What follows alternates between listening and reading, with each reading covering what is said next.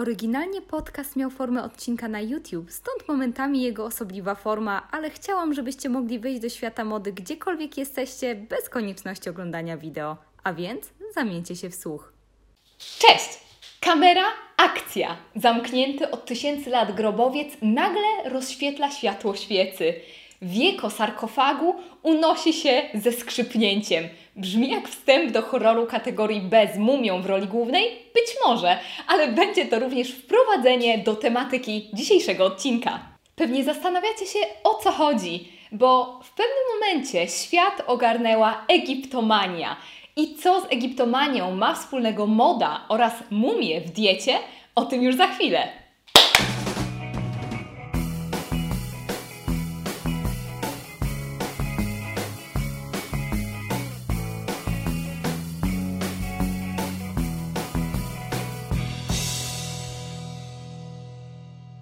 Teraz jeszcze króciutko mały wątek osobisty, bo nie mogę nie wspomnieć o swojej szczerej i długotrwałej miłości do Egiptu, która trwała przez cały czas, kiedy byłam dzieckiem i była jednym z powodów, dla których chciałam zostać archeolożką. Z tego co wiem, niektórzy patroni również współdzielili tę pasję, a jeśli jesteśmy przy patronach, naprawdę bardzo chciałabym podziękować im za współtworzenie tego kanału i umożliwienie rozwijania go. Ale do rzeczy. Jest rok 1922. 26 października brytyjski archeolog Howard Carter wraz z towarzyszami zagląda do grobowca Tutenchamona.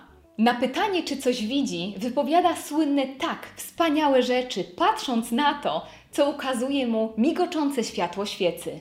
Kilka dni później grobowiec zostaje otwarty oficjalnie przez egipskich urzędników. Otwarcie samej komory grobowej nastąpiło w lutym po zgromadzeniu zastępów specjalistów, którzy byliby w stanie udźwignąć tego typu odkrycie. Bo jedno odkrycie oznaczało tysiące obiektów do wydobycia i skatalogowania. Sarkofag z ciałem Tutenchamona został uznany za najlepiej zachowany w Dolinie Królów i wieść powoli obiegała świat. Dobrze, ale powściągając lejce mojej dziecięcej pasji, przejdźmy do meritum. Co podsycało egiptomanię? Media. I tu trzeba zaznaczyć, że wyłączne prawa do relacjonowania całej wyprawy i odkryć nabył Times.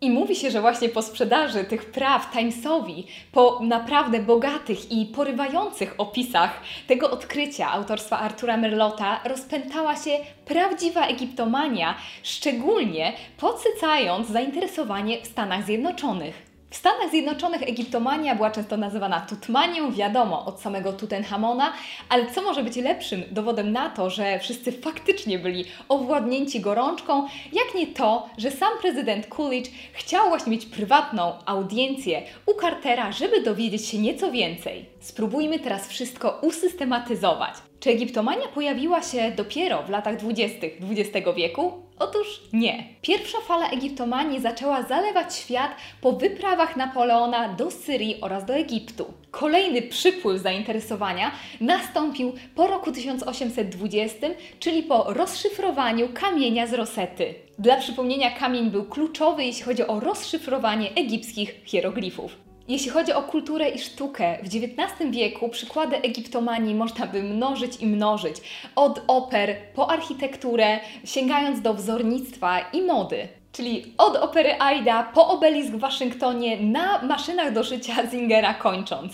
I tutaj mała mrożąca krew w żyłach ciekawostka, ponieważ rzekomo w Niemczech właśnie w XIX wieku sproszkowane mumie były sprzedawane jako lekarstwo. Pojawiały się nawet anegdotyczne opisy mówiące o tym, że mumii wydobywano tak dużo, że po prostu używano ich, żeby rozpalić w kominku. Ale my w tym odcinku, po tym przydługim wprowadzeniu, skupimy się na tej ostatniej fali, która dotyczy właśnie lat 20. XX wieku. I to zbiorowe zainteresowanie, przyjmujące czasami wręcz formę zbiorowej obsesji, histerii, często w literaturze funkcjonuje jako Egyptian Revival. Pamiętając, że zainteresowanie trwało, nie trudno wyobrazić sobie, że kultura masowa dbała cały czas o podsycanie go, zaczynając chociażby od filmu Kleopatra z Tedą Barą, utrwalającego zresztą stereotyp femme fatale z roku 1917, a po odkryciu Cartera, kończąc chociażby na Mumii z Borisem Karloffem z roku 1932, czyli tutaj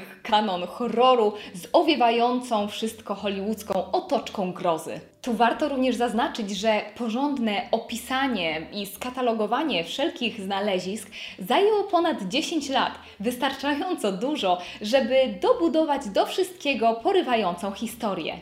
Starożytny Egipt kojarzono z tajemnicą i nieśmiertelnością. W USA motywy egipskie związane z kolumnami czy ornamentami zaczęły pojawiać się na przykład w lożach masońskich, budynkach użyteczności publicznej i ze względu na monumentalność, na przykład na cmentarzach. I tu można rzucić nawet przykładem słynnego budynku Chryslera, który często jest używany jako idealne zobrazowanie tych właśnie egiptomańskich ciągot. Wymienia się tu często słynne drzwi windy z motywem kwiatu lotosu, jego strzelistość, po ptasie motywy na zewnątrz. A z kolei niektóre motywy idealnie łączyły się z tendencjami widocznymi w Art Deco, szczególnie jeśli chodzi o geometryzację. Ale teraz w końcu gwóźdź tego odcinka, czyli moda i wizerunek kobiet w kontekście egiptomanii. Mieliśmy już wstęp do kreowania egiptomanii w postaci zainteresowania prasy, Timesa, jego opisów, a to również dotknęło oczywiście reklamy, a reklamy, jak wiadomo, mają ogromną, ogromną władzę, jeśli chodzi o kreowanie modowych i urodowych tendencji. Szczególnie w Stanach Zjednoczonych pojawiała się cała masa reklam, naprawdę od papierosów do piwa, które szczególnie mm, bardzo lubowały się w tym, żeby pokazać, że tradycja danej rzeczy wywodzi się nawet ze starożytnego Egiptu, czyli podkreślić jeszcze mocniej dorobek marki a prawdziwą kultową otoczką obrosły reklamy Palmolive z tamtego czasu, które przez ponad 10 lat nawiązywały właśnie do starożytnego Egiptu. Palmolive wyciskało wszystko, co się da z tej egipskiej otoczki. Palmolive miało mieć 3000 lat tradycji, a samo mydło miało być reinkarnacją starożytnego piękna. Tutaj oczywiście pojawiały się nawiązania do Kleopatry, która z kolei dzięki fabryce snów w Hollywood pojawiła się mocno w popkulturze i stała się niemalże archetypem silnej i wyzwolonej postaci kobiecej. Egipskie motywy były jasno widoczne, jeśli chodzi o branżę perfumiarską. Pojawiały się flakony perfum w egipskich kształtach. Tutaj ukłony dla patronki Ani za podesłanie zdjęć, jak również dotykało to branży makijażowej, bo jak wiemy lata 20. i lata 30. były złotą erą dla kompaktów, które bardzo swobodnie i jasno nawiązywały właśnie do starożytnego Egiptu, jeśli chodzi o kształt i motywy. Egiptomania bywa też analizowana jako element kulturowej rozmowy, ze względu na to, że właśnie kobiety starożytnego Egiptu w zachodniej narracji były tymi niezależnymi postaciami, jak na przykład Kleopatra. I to samo dotyczyło ideału nowej kobiety lat dwudziestych. Dodajmy jeszcze do tego aurę nieskrępowanej zmysłowości, która zaczęła owiewać młode kobiety w latach dwudziestych. Teraz krótko przypomnijmy sobie ich stroje, które po raz pierwszy pokazywały tak wiele ciała, to, że społecznie akceptowalnym zwyczajem było palenie papierosów, picie alkoholu przez kobiety i spędzanie czasu nawet samotnie w klubach do późnych godzin nocnych. Oczywiście nowe rodzaje szaleńczego tańca, krótkie fryzury, które czasami łączy się właśnie z tendencjami w egiptomanii oraz ciężki makijaż, który pojawiał się również w kontekście, który bywał już coraz bardziej mainstreamowy, bo po raz pierwszy malowanie się było czymś modnym, stąd też, jak wcześniej wspomniałam, popularność kompaktów do makijażu. A jeszcze odnośnie reklam, wspomina się często, że właśnie ten egipski kontekst pozwalał na dużo bardziej odważne reklamy, jeśli chodzi o prezentowanie ciała kobiety. Egiptomania bywała więc często idealnym wytrychem do prowadzenia rozmów na temat diametralnie zmieniającej się roli, ale też i samotworzenia przez kobiety w latach dwudziestych. Egipskie motywy w tajemniczym sosie bywały idealnym dodatkiem dla rodzących się motyli nocy. Jeśli chodzi o modę, niczym nowym jest zerkanie w stronę tak zwanego Orientu i egzotyki. I najlepszym przykładem z początku wieku będzie nie kto inny, a Paul Poiret. Spójrzmy tylko na bogactwo zdobień, żywe kolory i sylwetki czerpiące garściami z innych kultur. I często mówi się, że właśnie przez te ekstrawagancje i teatralność dużo łatwiej było mu przemycać zmiany, jeśli chodzi o sylwetkę kobiety pozbawionej gorsetu. U Poireta pojawiły się więc turbany, cylindryczna sylwetka i dwuwymiarowość. I wspominałam już o Art Deco w kontekście egiptomanii. Te dwa zjawiska są często analizowane razem i często dotyczy to również zdobień, które właśnie pojawiają się na przykład na sukniach, na szalach, na motywach związanych z modą, bo właśnie te motywy są bogate, symetryczne i często nawiązują do Egiptu. Jeśli chodzi o nakrycia głowy, z pewnością były to zdobne turbany. Tutaj mamy świetny przykład z roku 1925. Pojawiały się również bogato zdobione, wyszywane kaftany w motywy egipskie. Mamy tutaj też przykład wyszywanego w egipski motyw płaszcza. Egiptomania opanowała również dodatki, takie jak rękawiczki czy torebki ta trójwymiarowa o kształcie piramidy wyjątkowo rozbudza wyobraźnię. I tutaj ważna rzecz, właśnie jeśli chodzi o egiptomanię, często podkreśla się, że ze względu na to, że była to jednak pewnego rodzaju ekstrawagancja, dotyczyło to przede wszystkim dodatków. I tutaj z kolei podziękowania dla patronki Kasi, która zna się na biżuterii i wspomniała, że był wówczas powrót do starych technik jubilerskich, pojawiał się również często turkus oraz lapis lazuli. I spójrzmy na wspaniałe przykłady. Mamy tutaj ozdoby na głowę, z motywem Sfinksa, diamentową, niezwykłą broszkę Cartiera z motywem skarabeusza, ale też kaskadowy naszyjnik od Lalik. W sukniach pojawiały się charakterystyczne upięcia i dłuższe środkowe panele. Tutaj mamy piękny przykład Lanvin z roku 1923, a tutaj jest sukienka z roku 1925. Pojawiała się więc złota lama, cekiny, różnego rodzaju motywy, które mogły właśnie nawiązywać do Egiptu. Spójrzmy jeszcze na kilka przykładów, chociaż można by je było mnożyć i mnożyć. A jaka piosenka była hitem w roku 1923 i do której z lubością tańczyły flaperki? Była to piosenka Old King Tut, czyli stary król Tutankhamon, Tut. I spójrzcie tylko na scenę ze świetnego zresztą serialu Boardwalk Empire, czyli Zakazane Imperium, gdzie właśnie jest świetne nawiązanie do egiptomanii i również pojawia się właśnie ten hicior roku 23.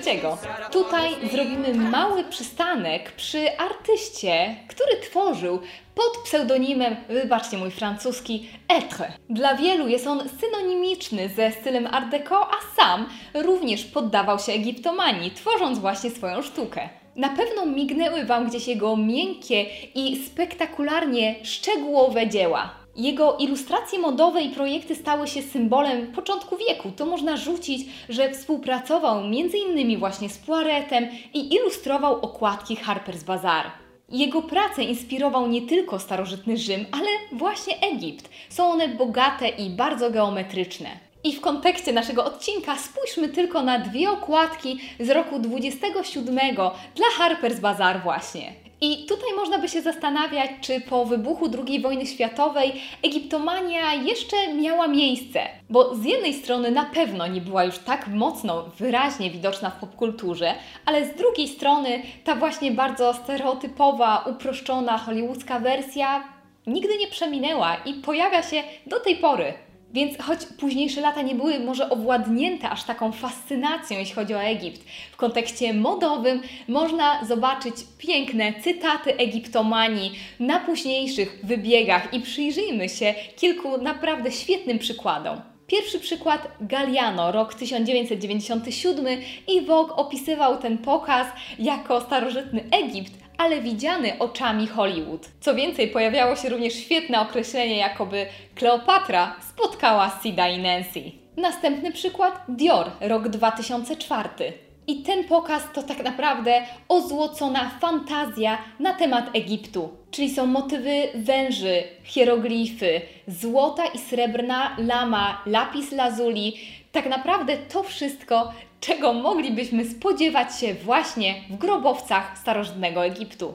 Kolejny przykład Givenchy rok 2016. Dla wielu było to połączenie romantyzmu, psychodeli i mistycyzmu, również nawiązujące do Egiptu. Nawiązanie do Egiptu było tutaj nieco bardziej buńczuczne. Pojawiają się bogate wzory, ale również po prostu nadruki związane z egipską ikonografią. Kolejny świetny przykład Chanel, rok 2019. Pojawiły się więc imitacje starożytnych egipskich naszyjników. Paleta kolorów była związana właśnie z kością słoniową, ze złotem, z koralem oraz właśnie z tym skarabeuszowym niebieskim. Niektóre sylwetki wręcz jasno nawiązywały do tych widocznych na hieroglifach, czyli na przykład niektóre spódnice przypominały szendyt. Kolejny przykład, Balmain, rok 2019. I tutaj znowu mamy ukłon w stronę starożytnego Egiptu. Tkaniny były mm, ozdobione nadrukami, które nawiązywały właśnie do czasów faraonów, ale dla mnie w tym nieco bardziej streetwearowym ujęciu. I jeśli chodzi o pokazy mody, naprawdę uwierzcie mi, że można by doszukiwać się bardzo wielu odniesień, nie tylko jeśli chodzi o ukłon w stronę biżuterii, ale również jeśli chodzi o samo drapowanie, czy też nawiązywanie do widocznych w starożytnym Egipcie, ale stwierdziłam, że te kilka przykładów będzie najlepszym zobrazowaniem tendencji właśnie zwracania się co jakiś czas do tamtego okresu historii. Dla jednych Egiptomania to piękna, poetycka, tajemnicza podróż. Dla innych to płytki, kolonialny pęd, który nie zatracił swojego imperialistycznego charakteru nawet obecnie. Egiptomania to również opowieść, tym razem w naszym odcinku snuta dość wyraźnie przez modę. Jestem bardzo ciekawa Waszych opinii o tym odcinku. Muszę przyznać, że to był jeden z moich ulubionych odcinków, jeśli chodzi o przygotowywanie materiałów. Spędziłam całe długie godziny nad przygotowywaniem się, ale no cóż, wiadomo, że musiałam bezlitośnie ciąć to, co pojawia się w odcinku, żeby Was nie zanudzić. Ale może poczułam się właśnie tak, jak wtedy, kiedy oglądałam książki jako mała dziewczynka. Jak zawsze z utęsknieniem czekam na Wasze komentarze, bo Wasze zaangażowanie jest moją największą nagrodą. Wszystkie komentarze czytam, na każdy staram się odpowiadać. I jeśli chcecie być na bieżąco z filmami Freakery, uderzcie w ikonę dzwonka i zasubskrybujcie kanał, bo wiem, że czasami te filmy lubią się gdzieś chować. I y, możecie śledzić mnie oczywiście na Instagramie, gdzie nieco częściej daję znać, co u mnie słychać, a my widzimy się już przy okazji kolejnego odcinka. Do zobaczenia! In old King Tut, Tut, Tut, and Cayman's day, beneath the tropic skies, King Tut, Tut was very wise. Now old King Tut, Tut, Tut was always gay. Cleopatra, she sat upon his knee, pat, that's where she sat. The girls would dance for him, and every move a treat. They'd move and move and move, but never move their feet. A thousand girls would dance each day with